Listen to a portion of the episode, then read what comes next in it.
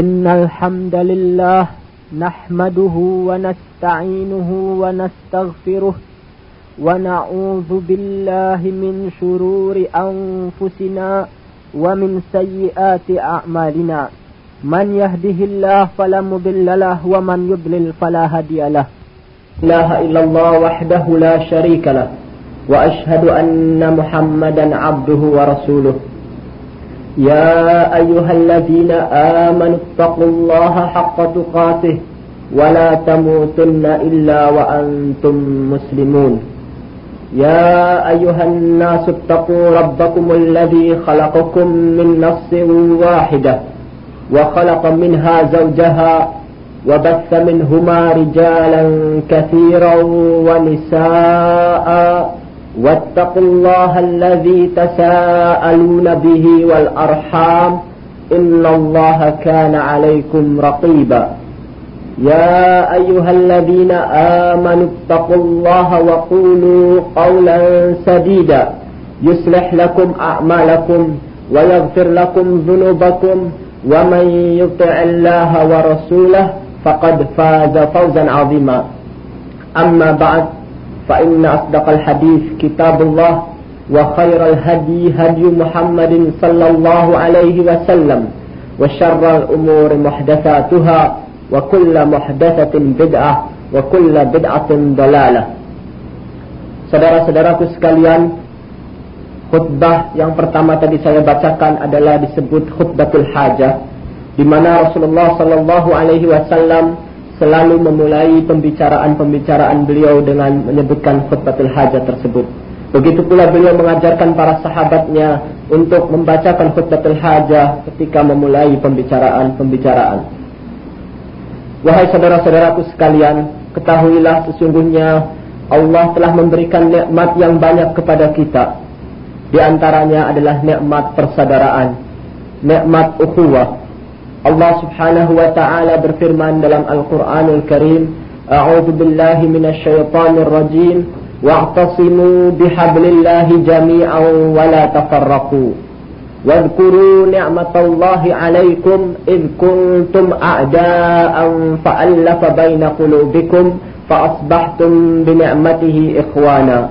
وكنتم على شفا حفرة من النار فأنقذكم منها. Kadzalika yubayyinullahu lakum ayatihi la'allakum tahtadun. Terdapat dalam surat Ali Imran ayat 103 yang artinya berpegang teguhlah kalian dengan tali Allah bersama-sama dan janganlah kalian bercerai-berai dan ingatlah akan nikmat Allah yang Allah berikan atas kepada kalian. Wa zkuru nikmatallahi alaikum in kuntum a'da'a fa'allafa baina qulubikum Ketika dahulunya kalian bermusuh-musuhan, kemudian Allah lunakkan antara hati-hati kalian, fa'asbahtum bini'matihi ikhwana. Kemudian kalian menjadi bersaudara disebabkan dengan nikmat dari Allah. Wa kuntum ala syafa hufratin minan nar. Dan tadinya kalian berada di tepi jurang api neraka, fa'angkadakum minha. Maka Allah selamatkan kalian darinya Kadzalika yubayyinullahu lakum ayatihi la'allakum tahtadun. Begitulah Allah jelaskan kepada kalian ayat-ayatnya agar kalian mendapatkan petunjuk.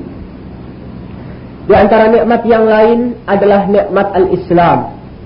Allah Subhanahu wa taala berfirman dalam surat Al-Maidah ayat 3, "Al-yauma akmaltu lakum dinakum wa atmamtu 'alaikum ni'mati wa raditu lakumul Islam madina." Pada hari ini telah aku sempurnakan al-Islam bagi kalian agamamu. Dan aku telah cukupkan Islam itu bagi kalian. Dan aku telah ridha. Wa raditu lakum al-Islam madina. Wa atmamtu alaikum ni'mati. Telah aku cukupkan kepada kalian nikmatku wa raditu lakum al-Islam madina. Dan aku telah ridha Islam itu din bagi kalian. Begitulah saudara-saudara tidak cukup Terlalu banyak sekali nikmat yang Allah berikan kepada kita sekalian. Tidak cukup waktu kita untuk menyampaikan semuanya. Tetapi Allah sendiri telah menyatakan dalam surat An-Nahl, "Wa in ta'uddu ni'matallahi la tuhsuha." Apabila kalian menghitung-hitung nikmat Allah, niscaya kalian tidak dapat menghitungnya karena terlalu banyaknya nikmat yang Allah berikan kepada kita. Maka wajib hukumnya, wajib atas setiap muslim untuk mensyukuri nikmat Allah tersebut. Allah Subhanahu wa taala berfirman dalam surat Ibrahim ayat 14, "Wa id ta'addana rabbukum la in syakartum la azidannakum wa la in kafartum inna 'adzabi lasyadid." Dan ingatlah ketika Allah telah memaklumkan kepada kalian, jika kalian bersyukur, pasti aku akan tambah bagi kalian nikmatku. Tetapi apabila kalian kufur, maka sesungguhnya azabku adalah sangat pedih. Cara mensyukuri nikmat Allah yang pertama adalah dengan meyakini dari hati bahwasanya Allah saja pemberi nikmat. Kedua, dengan mengucapkan melalui lisan kita ucapan-ucapan bukti rasa syukur kita seperti mengucapkan kata-kata alhamdulillah. Yang ketiga harus dibuktikan dengan perbuatan, dengan amal perbuatan. Atas segala nikmat yang Allah berikan, Allah menghendaki sesuatu dari nikmat tersebut, perbuatan-perbuatan yang Allah ridhoi kita jalankan. Perbuatan-perbuatan yang Allah larang, perbuatan-perbuatan yang Allah murkai kita tinggalkan. Itu bentuk dalam syukur, rasa syukur kepada Allah Subhanahu wa taala.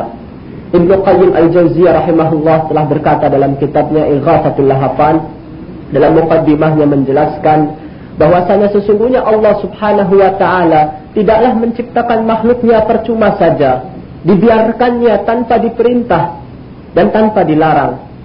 Tetapi Allah Subhanahu wa taala memberikan kepada kalian suatu tugas, suatu amanat.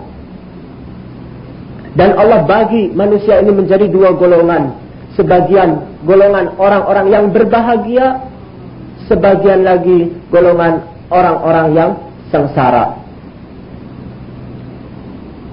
Saudara-saudara sekalian, Kemudian Ibnu Qayyim menjelaskan lagi bahwasanya Ibnu Qayyim menjelaskan lagi bahwasanya setiap manusia diberi alat anggota tubuh untuk menerima ilmu dari pendengaran, penglihatan dan hati. Barang siapa yang menggunakan anggota tubuh tersebut untuk mencari jalan mengenal kepada Allah, untuk mencari jalan agar Allah ridha kepadanya, maka dia telah melaksanakan syukur kepada Allah faqad utiya bisyukri min dalik. Dia telah diberikan, telah menjalankan syukur karena nikmat tadi.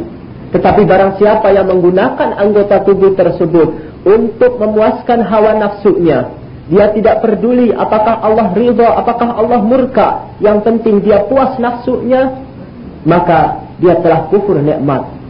Dia akan rugi serugi-ruginya di hari di mana tidak bermanfaat harta ataupun anak kecuali yang mendatangi Allah dengan hati yang selamat. Yauma la yanfa'u malun wala banun illa man atallaha biqalbin salim. Dan ingatlah bahwa semua anggota tubuh tersebut akan dipertanggungjawabkan oleh Allah Subhanahu wa taala sebagaimana firman-Nya dalam surat Al-Isra ayat 36, "Wala taqfu ma laysa bihi 'ilm. Inna as-sam'a wal basara wal fuada kullu ulaika kana anhu mas'ula."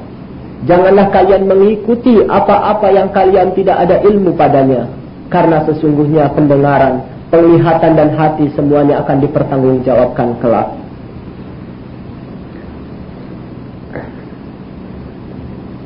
Di antara bentuk rasa syukur kepada Allah Subhanahu wa taala adalah dengan menuntut ilmu. Dengan menuntut ilmu karena menuntut ilmu adalah wajib atas setiap muslim sebagaimana Rasulullah wasallam bersabda talabul ilmi faridatun ala kulli muslim. Diriwayatkan oleh Ibnu Majah dan yang lainnya. Hadisnya sahih. Menuntut ilmu itu wajib atas setiap muslim. Kemudian juga banyak keterangan-keterangan yang lain dari ayat-ayat Al-Qur'an yang menjelaskan keutamaan menuntut ilmu. Allah akan meninggikan derajat orang-orang yang beriman di antara kalian dan yang menuntut ilmu beberapa derajat Tidaklah sama orang yang berilmu dengan orang yang tidak berilmu. Bahkan juga dalam hadis-hadis yang sahih Rasulullah SAW menjelaskan barang siapa yang men berjalan menuntut mencari ilmu. Mencari ilmu maka sahalallahu lahu tariqan ilal jannah. Allah akan memudahkan baginya jalan menuju surga. Maka dari itu kita harus bersekuat tenaga memanfaatkan waktu yang ada untuk menuntut ilmu syar'i ilmu-ilmu yang diwajibkan oleh Allah Subhanahu wa taala seperti dalam berakidah, dalam bertauhid, kemudian dalam beribadah dan dalam bermuamalah serta lain sebagainya. Karena ini adalah hal-hal yang wajib. Jangan sampai dalam hal-hal dunia kita banyak mengetahui tentang masalah-masalah dunia tetapi tentang masalah-masalah yang Allah wajibkan yang akan membahagiakan dunia dan akhirat dia tidak mengetahuinya. Saudara-saudara sekalian, dalam kesempatan ini saya akan menyampaikan suatu wasiat dari Rasulullah sallallahu alaihi wasallam. Rasulullah wasallam tentu haruslah dicintai oleh setiap muslim bahkan ini adalah kewajiban untuk mencintai rasulnya dan saya yakin setiap muslim pasti mencintai rasulnya sallallahu alaihi wasallam beliau telah memberikan wasiatnya kepada kita maka pada kesempatan ini akan saya sampaikan wasiat dari Rasulullah sallallahu alaihi wasallam agar kita mengambil pelajaran dari wasiat tersebut. Hadis yang saya akan bacakan adalah hadis Irbad bin Sariyah Al-Irbad bin Sariyah radhiyallahu anhu. Beliau berkata bahwasannya Rasulullah sallallahu alaihi wasallam mengimami salat pada suatu hari. Kemudian setelah selesai beliau menghadapkan kepada kami dan memberi nasihat. Nasihat yang sangat membekas yang membuat mata menangis dan membuat hati bergetar. Berkata seseorang wahai Rasulullah sepertinya nasihat ini nasihat yang terakhir. Apa yang engkau wasiatkan kepada kami? Maka beliau bersabda usikum bitaqwallahi was-sam'i wat-ta'ah wa in 'abdan habasyiya fa innahu man ya'ish minkum ba'di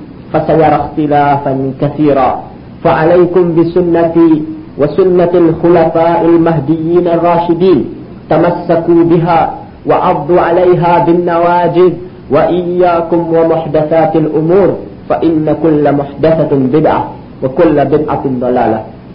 Hadis ini dikeluarkan oleh Imam Abu Dawud, oleh Imam At-Tirmidzi, oleh Imam Ad-Darimi, Ibnu Majah, Ibnu Nasr dalam kitabnya As-Sunnah, Ibnu Hibban dalam sahihnya, Imam Al-Ajuri dalam kitabnya Asy-Syariah, Imam Ahmad bin Hanbal, Imam Al-Hakim, Imam Al-Lalikai dalam kitabnya Syarah Usul I'tiqad Ahli Sunnah wal Jamaah, Imam Al-Harawi dalam kitabnya Dammul Kalam, Imam Ibn Abdul Bar dalam kitabnya Jami' Bayan al-Ilm dan Ibn Asakir dalam kitabnya Tarikh Dimash. Hadis ini disahihkan oleh para ulama hadis di antaranya oleh Syekh Muhammad Nasiruddin Al-Albani dalam kitabnya Al-Irwaul Ghalil hadis nomor 2455. Maknanya usikum bitaqwallahi aku berwasiat kepada kalian agar kalian bertakwa kepada Allah wasam'i wat ta'ah dan untuk mendengar dan taat. Wa in abdan habasyiya. Meskipun yang memerintah kalian adalah budak dari Habasyah dari negeri Ethiopia. Fa innahu man ya'ish minkum ba'di. Maka sesungguhnya barang siapa yang akan hidup di antara kalian sesudahku nanti fasayarah tilafan katsira dia akan melihat perbedaan pendapat yang sangat banyak. Oleh karena itu fa'alaikum bisunnati wa sunnatil khulafa'il mahdiyyin ar-rasyidin. Oleh karena itu wajib harus atas kalian berpegang teguh dengan sunnahku. Dan sunnahnya para khulafa'ur rasyidin yang mendapatkan bimbingan, yang mendapatkan petunjuk. Tamassaku biha berpegang teguhlah dengan sunnah tersebut. Wa abdu 'alaiha bin nawajid. Dan gigitlah sunnah tersebut dengan gigi geraham. Wa iyyakum wa muhdatsatil umur dan hati-hatilah kalian terhadap perkara-perkara yang baru dalam masalah agama. Fa inna kulla muhdatsatin bid'ah. Karena setiap hal-hal yang baru adalah bid'ah. Wa kulla bid'atin dalalah. Dan setiap yang sesat yang setiap yang bid'ah itu adalah sesat. Kita akan bahas satu persatu tentang wasiat dari Rasulullah sallallahu alaihi wasallam. Yang pertama Rasulullah sallallahu alaihi wasallam bersabda usikum bitaqwallah Aku memberi wasiat kepada kalian agar bertakwa kepada Allah. Apa maknanya takwa? Takwa secara bahasa dalam bahasa Arab berarti adalah penjagaan, pemeliharaan dari kata al-wiqayah. Di antaranya telah berkata Nabi Rahdubian, Sakatan nasifu walam turid isqatahu fatanawalathu wattaqatna bil yad. Sakatan nasif telah terjatuh kain kerudung penutup kepala dan muka dari seorang wanita walam turid isqatahu dan dia tidak menginginkan jatuhnya kerudung dan tutup muka tersebut yakni jatuhnya tidak dengan disengaja. Fatanawalathu maka dia mengambil kain kerudung tersebut wattaqatna dan dia menjaga memelihara dari kami dari pandangan kami bilyad dengan tangan. Dia tutup mukanya dengan tangan karena malu terhadap pandangan laki-laki. Inilah sifat wanita muslimah yang mempunyai rasa malu dan ini adalah tabiat wanita seharusnya mempunyai rasa malu. Bahkan Rasulullah SAW bersabda al-haya'u minal iman. Malu itu adalah sebagian dari iman. Begitu pula Rasulullah SAW dalam hadis yang sahih beliau bersabda inna mimma adrakan nasu min kalamin nubuwatil ula idza lam tastahi fasna' ma syi'ta. Diriwayatkan oleh Imam Bukhari dalam kitab Sahih Bukhari dalam kitab Al-Adab inna mimma adrakan nas min kalamin nubuwatil ula. Sesungguhnya dari hal-hal yang diketahui oleh manusia dari ucapan kenabian yang pertama idza lam tastahi apabila engkau tidak mempunyai rasa malu fasna' ma syi'ta berbuatlah semaumu. Hadis ini sepertinya perintah fasna, tapi dijelaskan oleh para ulama maknanya yang benar adalah khabar, yaitu berita. Berkata Imam Al-Khattabi, dia menjelaskan al-hikmatu fit ta'bir bi lafzil amr dun al-khabar fil hadis innal ladhi yakuful insan an muwafaqati syarh huwa al-haya. Fa idza tarakahu sara kal ma'mur tab'an birtikabi kulli syai. Yaitu hikmah dari penggunaan lafaz perintah padahal maknanya adalah berita dalam hadis tersebut adalah dikarenakan manusia yang membuat manusia itu menahan dari perbuatan buruk dikarenakan adalah malu. Malu terhadap Allah Subhanahu wa taala. Kemudian juga setelah itu malu terhadap manusia.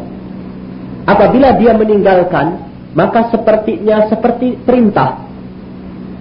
Dikarenakan kalau dia tidak mempunyai rasa malu, tentu saja dia akan berbuat segala perbuatan buruk. Dinukil oleh Imam Ibn Hajar Al-Asqalani dalam kitabnya Fathul Bari, juz yang ketiga halaman 139.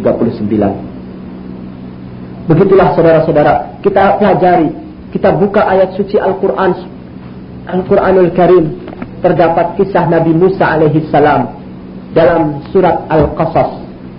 Surat Al-Qasas, surat yang ke-28 dijelaskan dalam ayat 23. Allah Subhanahu wa taala berfirman, "Walamma warada ma'a Madyana wajada 'alaihi ummatan minan nasi yasquna wa wajada min dunihim min dunihim imra'atayn tadudan." Qala ma khatbukuma? Qalata la nasqi hatta yusdira ar-ri'a'u wa abuna shaykhun kabir. Dan tatkala ia sampai di sumber air negeri Madian. Ia menjumpai di sana sekumpulan orang-orang yang sedang meminumkan ternaknya dan ia menjumpai di belakang orang banyak itu dua orang wanita yang sedang menghambat ternaknya. Nabi Musa alaihi salam berkata, "Apakah maksudmu dengan berbuat demikian?" Kedua wanita itu menjawab, kami tidak dapat meminumkan ternak kami sebelum penggembala-penggembala itu memulangkan ternaknya. Sedangkan bapak kami adalah orang tua yang sudah lanjut umurnya. Begitulah dua wanita tadi tidak mau berikhtilat campur baur dengan laki-laki dalam mengambil air. Tapi dia menunggu sampai mereka pulang baru setelah itu dia akan mengambil. Kemudian selanjutnya fasaqalahuma thumma tawalla ila dhilli faqala rabbi inni lima anzalta ilayya min khairin faqir. Kemudian Nabi Musa memberi minum ternak itu untuk menolong keduanya. Kemudian dia kembali ke tempat yang teduh lalu berdoa ya Rabbku sesungguhnya aku sangat memerlukan sesuatu kebaikan yang engkau turunkan kepadaku. Setelah itu wanita kedua wanita tadi pulang ke rumahnya dan menceritakan kepada kedua orang tuanya. Setelah itu Allah berfirman faja'athu ihdahuma tamshi ala istihya'in qalat inna abi yad'uka liyajziyaka ajra ma saqaita lana falamma ja'ahu wa qaffa alaihi al-qasasa qala la taqaf najauta minal qaumidz zalimin.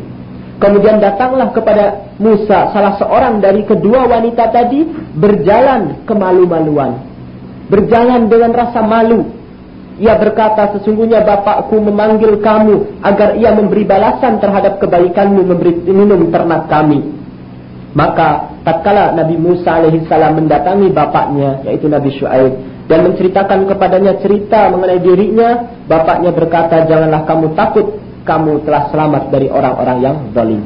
Inilah pelajaran dari Al-Quranul Karim. Menceritakan agar wanita seharusnya mempunyai rasa malu. Dan sangat disayangkan sekali apabila wanita wanita muslimah kita telah hilang rasa malunya. Sehingga mereka berpakaian dengan pakaian yang tidak menutup aurat. Bahkan mencari, menarik perhatian laki-laki. Dengan pakaian yang sangat minim. Dengan berhias-hiasan dengan menggunakan parfum-parfum, minyak wangi-minyak wangi untuk menarik perhatian laki-laki. Padahal hal tersebut telah dilarang oleh Allah Subhanahu wa taala, dilarang untuk berbuat tabarruj. Allah Subhanahu wa taala berfirman dalam surat Al-Ahzab, "Waqarna fi buyutikunna wala tabarrujna tabarrujal jahil wala tabarrujna tabarrujal jahiliyatil ula." Dan berdiamlah kalian di rumah kalian dan janganlah bertabarruj, memamerkan perhiasan kalian sebagaimana orang-orang jahiliyah pertama bertabarruj. Begitulah sehingga sampai kalaupun tidak perlu sekali kita tidak, wanita muslimah dilarang untuk keluar rumah kecuali ada keperluan yang sangat mendesak, adanya kebutuhan. Oleh karena itu Rasulullah sallallahu alaihi wasallam menjelaskan bahwa wanita tidak boleh mengadakan safar, mengadakan perjalanan kecuali harus disertai oleh mahramnya. Imam An-Nawawi menjelaskan dalam kitabnya Riyadhus Salihin suatu bab bab tahrimi safaril mar'ah wahdaha. Bab haramnya wanita mengadakan perjalanan sendiri. Terdapat dalam kitab Riyadhus Salihin halaman 430. Rasulullah sallallahu alaihi wasallam bersabda An ab, eh, dari Abu Hurairah radhiyallahu anhu bahwasanya Rasulullah sallallahu bersabda لا يحل لامرأة تؤمن بالله واليوم الآخر تسافر مسيرة يوم yaumin إلا lailah illa محرم عليها. alaiha muttafaqun alaih diriwayatkan oleh Imam Bukhari dan Muslim dalam sahihnya tidaklah halal bagi wanita mukmin yang beriman kepada Allah dan hari akhir mengadakan perjalanan selama perjalanan sehari semalam kecuali harus disertai dengan mahramnya Rasulullah SAW juga bersabda, La yakhluwanna rajulun bimra'atin illa wa ma'ahadu mahram. Tidaklah boleh seorang laki-laki bersendirian dengan wanita yang bukan mahrimnya kecuali harus dengan salah satu dari uh, kecuali dengan mahrim dari wanita tersebut.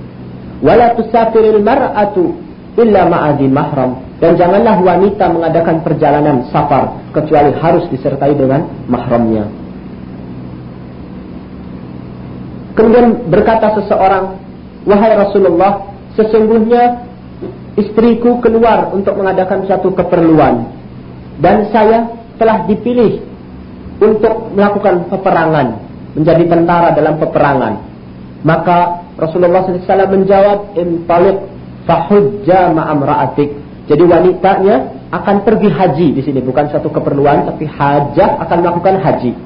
Maka Rasulullah SAW menjawab, Intalik pergilah kalian fahujja ma'am ra'atik pergilah berhaji bersama istrimu nggak usah mengikuti walaupun sudah dipilih sebagai tentara untuk mengadakan peperangan melawan orang-orang kufar tapi oleh Rasulullah SAW tidak boleh wanita sendirian walaupun untuk pergi haji dalam ibadah apalagi kalau perginya bukan untuk haji dan sangat disayangkan kalau wanita-wanita muslimah mereka pergi ke luar negeri hanya untuk mencari pekerjaan meninggalkan suaminya dan uh, anak-anaknya di rumahnya dan dia pergi sendirian. Ini sudah menyalahi larangan Rasulullah SAW sehingga akibatnya banyak terjadi hal-hal yang menyedihkan dari wanita-wanita muslimah kita. Maka haruslah dihindari. Wanita tidaklah dilarang untuk mencari pekerjaan. Walaupun mencari nafkah adalah kewajibannya suami tetapi apabila terpaksa, maka berangkatlah dengan mahramnya, dengan suaminya, dengan kakaknya, dengan pamannya, atau lain sebagainya, supaya ada mahramnya. Dan juga ketahuilah para wanita muslimah bahwasanya janganlah kalian membuka auratmu karena hal tersebut adalah telah dilarang oleh Allah Subhanahu wa taala dan rasulnya. Bisalah dibaca dalam surat dalam Al-Qur'an surat An-Nur ayat 31 tentang kewajiban menutup aurat. Juga terdapat dalam surat Al-Ahzab ayat 59. Begitu pula Rasulullah sallallahu alaihi wasallam mengancam wanita yang tidak menutup auratnya. Beliau bersabda,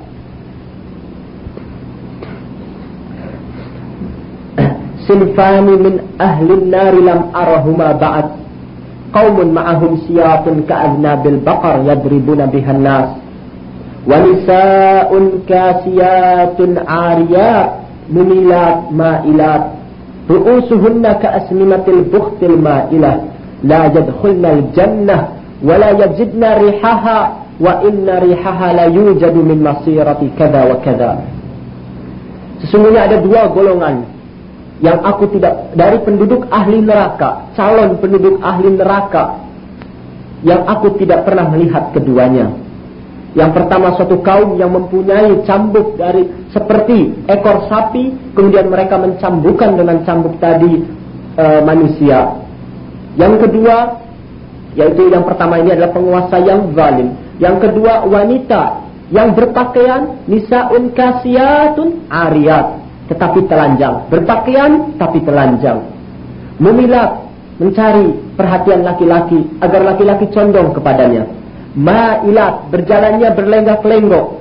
Ru'usuhunna ka'asnimatil bukhut di atas kepalanya juga ada hiasan seperti punuk unta.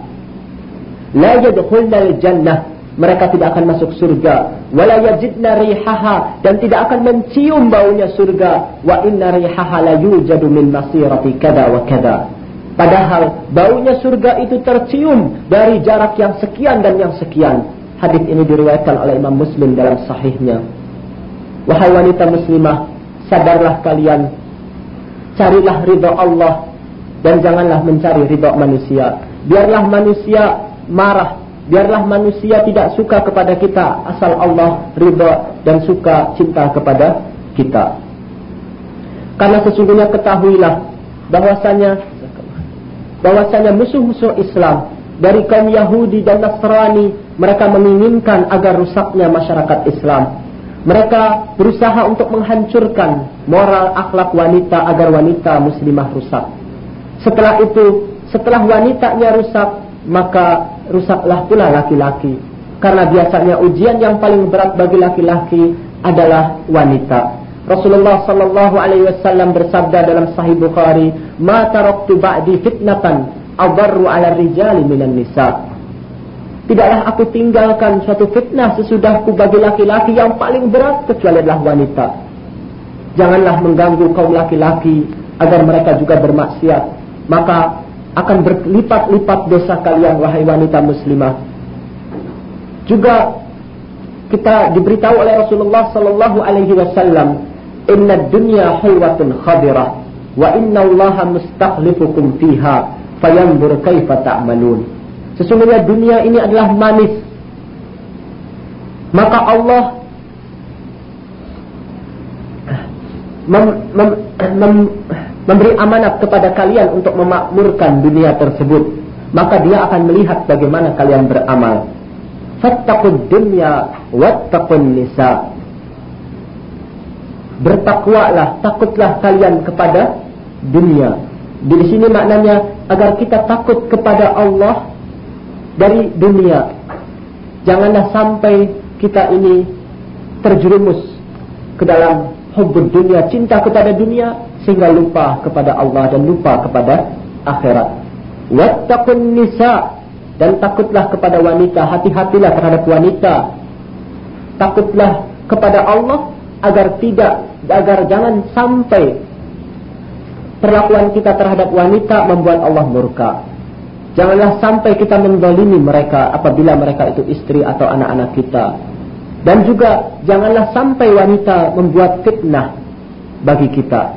Janganlah kita mulai mencari-cari jalan sehingga akan terjadi nantinya fitnah seperti berkhalwat, berduaan dengan bukan mahramnya.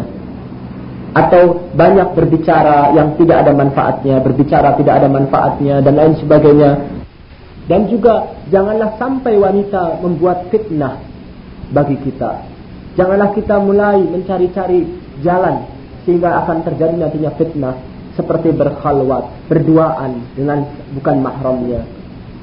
Atau banyak berbicara yang tidak ada manfaatnya, berbicara tidak ada manfaatnya dan lain sebagainya seperti yang dikenal dengan kata-kata pacaran atau lain sebagainya yang semuanya diharamkan oleh Allah Subhanahu wa taala. Kemudian Rasulullah SAW bersabda lagi, "Fa inna awwala fitnati bani Israel kanat fil nisa." Karena sesungguhnya fitnah yang menimpa Bani Israel pada mulanya adalah dalam masalah wanita. Hadis ini diriwayatkan oleh Imam Muslim dalam sahihnya. Oleh karena itu, setelah kita tahu makna takwa secara bahasa, yaitu pencegahan, adanya halangan dan batasan, kita akan jelaskan ucapan uh, salah seorang alim, yaitu Ibnu Rajab, dalam kitabnya Jami'ul Ulumi wal Hikam. Beliau mengatakan, فتقوى العبد لربه أن يجعل بينه وبين ما يخشاه من ربه من غضبه وسخطه وإقابه وقاية تقيه تقيه من ذلك وهو فعل طاعته واجتناب معاصيه Takwanya seorang hamba kepada Rabbnya adalah menjadikan antara dia dan antara yang ditakutkan yaitu antara dia dan yang ditakutkan dari Rabbnya seperti marahnya Allah, murkanya Allah, E, balasan dari Allah nanti suatu penghalang, suatu pembatas yang menghalangi dia dari murka, marah dan balasan dari Allah tersebut yaitu dengan menjalankan taat kepadanya dan meninggalkan berbuat maksiat kepadanya dalam segala hal. Sehingga di sini kita ketahui secara umum taat kepada Allah dan meninggalkan maksiat dalam segala perkara. Baik hal-hal yang berhubungan dengan masalah tauhid, kita harus benar-benar menjalankan perintah Allah dalam mentauhidkan Allah. Allah Subhanahu wa taala berfirman, "Wa qadara rabbuka alla ta'budu illa iyyahu wa bil walidaini ihsana." Allah telah mewajibkan kepada kalian agar kalian tidak beribadah kecuali hanya kepadanya dan agar kepada kedua orang tuamu berbakti. Kemudian juga menjauhkan syirik karena dosa syirik tidak akan diampuni oleh Allah, bahkan diancam pelakunya akan masuk ke dalam api neraka karena menyekutukan Allah wal billah. Yang kedua, masalah ibadah, kemudian masalah muamalah dan lain sebagainya. Dalam segala hal kita harus berusaha meninggalkan maksiat kepada Allah. Berkata Ibnu Mu'taz, "Khallid dhunuba saghiraha wa kabiraha fadhaka tuqa." Wasna' kamashin fawqa ardi syaukati yahzaru ma yara La tahqiranna saghiratan innal jibala minal hasa Tinggalkanlah segala dosa baik yang kecil maupun yang besar. Itulah takwa. Lakukanlah seperti orang yang berjalan di tempat yang penuh dengan duri-duri. Dia akan hati-hati dikarenakan dia melihat duri tersebut. La tahqiranna saghiratan. Janganlah kalian mengecilkan, janganlah kalian mengentengkan, menganggap remeh dosa kecil. Sesungguhnya innal jibala minal hasa. Sesungguhnya gunung itu adalah berasal dari batu kerikil.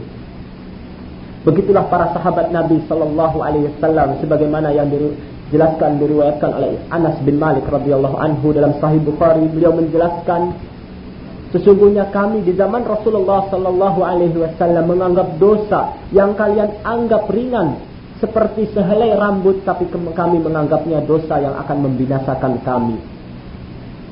Begitulah kita harus berusaha meninggalkan perbuatan-perbuatan maksiat dan menjalankan perintah-perintah Allah dengan ilmu, dengan belajar. Takwa kepada Allah adalah wasiat Allah kepada orang-orang terdahulu dan kepada orang-orang yang kemudian. Allah berfirman dalam surat An-Nisa ayat 131, "Walaqad wassayna alladhina utul kitaba min qablikum wa iyyakum an Sungguh kami telah berwasiat kepada orang-orang yang diberi Alkitab sebelum kalian dan kepada kalian agar bertakwa kepada Allah. Begitu pula Rasulullah SAW dalam banyak kesempatan mewasiatkan, berwasiat kepada para sahabatnya agar mereka bertakwa kepada Allah. Di antaranya Rasulullah SAW juga bersabda, "Ittaqillah haitsuma kunta wa atbi'is sayyi'atal hasanatan tamhuha wa khaliqin nasa bi hasan." Hadis rawahu Tirmizi. Bertakwalah kepada Allah di mana saja kalian berada dan ikutilah keburukan itu dengan kebaikan. Niscaya kebaikan itu akan menghapuskan keburukan. Wa khaliqin nasa bi khuluqin hasan dan pergaulilah manusia dengan pergaulan yang baik, dengan akhlak yang baik. Hadis diriwayatkan oleh Tirmidzi, dia berkata hadisun hasan dan disahihkan oleh Syekh Albani dalam Sahihul Jami' As-Saghir yang nomor 96. Imam Syafi'i mengatakan bagaimana dinukil oleh Imam Ibnu Rajab Al-Hambali dalam kitabnya Jami' Al-Ulum wal Hikam yang menukil bahwasanya Imam Syafi'i mengucapkan a'azzul asya'i salasa.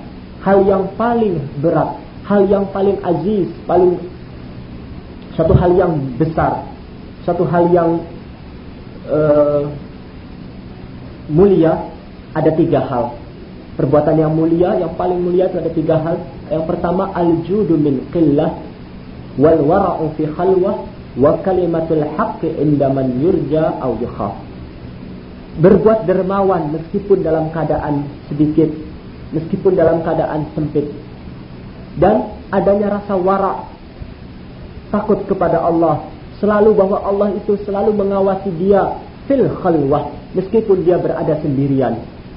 Bahkan Rasulullah SAW akan telah menjelaskan dalam hadis yang sahih bahwasanya Allah akan menaungi tujuh golongan yang Allah akan naungi di mana tidak ada naungan pada hari itu kecuali naungan Allah. Sab'atun yudhilluhumullah yauma la dhilla illa dhilluh. Di antaranya seseorang yang berzikir kepada Allah sendirian. Rajulun dzakarallaha khalian fafadat ainahu bil buka. Seseorang yang mengingat kepada Allah sendirian dan air matanya, dia keluar air matanya menangis. Takut kepada Allah Subhanahu wa taala, selalu mengingat kepada Allah dan lain sebagainya. Dan yang terakhir, kalimatul haq indaman yurja au yukhaf. Berkata yang hak, yang benar, baik terhadap orang yang dia mempunyai harapan, mempunyai kebutuhan kepadanya, ataupun orang yang dia segani dan dia takut kepadanya. Imam Ahmad mengucapkan sebagaimana dinukil pula oleh Imam Ibn Rajab Idza ma khalawta ad-dahra yawman fala taqul khalawtu walakin alayya raqibu wala tahsabanna Allah yaghfalu sa'atan wala anna ma tukhfi alayhi yaghibu Apabila kalian berada sendiri pada suatu hari, janganlah mengatakan aku sendirian, tetapi sesungguhnya ada yang mengawasi, ada yang mengawasiku. Janganlah kalian menganggap Allah lalai sekejap. Dan janganlah kalian menganggap bahwa apa yang kalian sembunyikan Allah tidak mengetahui. Inilah seorang yang selalu merasa Allah mengawasinya. Dia akan bertakwa kepada Allah subhanahu wa ta'ala. Imam An-Nawawi menyebutkan kisah di uh, Rasul menyebutkan satu hadis dalam uh, bab pertama hadis yang nomor 12 tentang masalah ikhlas yaitu dalam uh, tentang masalah ikhlas bahwasanya Rasulullah Shallallahu Alaihi Wasallam menceritakan kepada para sahabatnya hadis ini diriwayatkan oleh Bukhari dan Muslim mustafakun alaih. Dari Abi Abdurrahman Abdullah bin Umar ibn al-Khattab radhiyallahu anhu berkata saya mendengar Rasulullah Shallallahu Alaihi Wasallam bersabda ada tiga orang yang pergi dari orang-orang yang hidup sebelum kalian. Kemudian dia masuk ke dalam gua untuk bermalam. Setelah itu bergeserlah batu yang besar menutupi pintu gua tersebut sehingga mereka tidak dapat keluar. Fakalu mereka berkata sesungguhnya tidak ada yang dapat menyelamatkan kalian dari batu ini kecuali kalian berdoa kepada Allah dengan amal saleh yang kalian pernah lakukan. Berkata salah seorang di antara mereka, "Wahai Allah, Sesungguhnya aku mempunyai kedua orang tua yang sudah sangat tua. Dan aku tidak pernah memberi air minum, air susu. Sebelum aku meminumkan kepada kedua orang tuaku, tidak pernah aku berikan kepada anak-anakku ataupun kepada orang-orang yang menjadi tanggunganku. Kemudian orang itu mengatakan pada suatu hari saya terlambat datang karena mengambil kayu setelah saya datang keduanya telah tertidur. Maka saya peras air susu untuk keduanya dan saya Ketika itu saya mendapatkan keduanya tertidur, saya tidak suka membangunkan kedua orang tuaku yang sedang tertidur. Dan saya tidak suka pula memberikan air minum susu tersebut kepada selain orang tuaku dahulu. Tidak mau aku berikan kepada anak-anakku dahulu ataupun orang-orang yang menjadi tanggunganku. Sebelum aku berikan kepada kedua orang tuaku. Sampai aku menunggu keduanya bangun. Sampai terbit fajar. Padahal anak-anak di bawah merengek-rengek menangis minta air susu. Kemudian keduanya bangun dan keduanya meminum air susunya. Wahai Allah, apabila yang aku lakukan demikian itu benar-benar mencari wajahmu, mencari ridhamu, maka selamatkanlah aku, bukakanlah pintu gua ini. Maka bergeserlah batu tersebut sedikit dan mereka masih belum bisa keluar. Berkata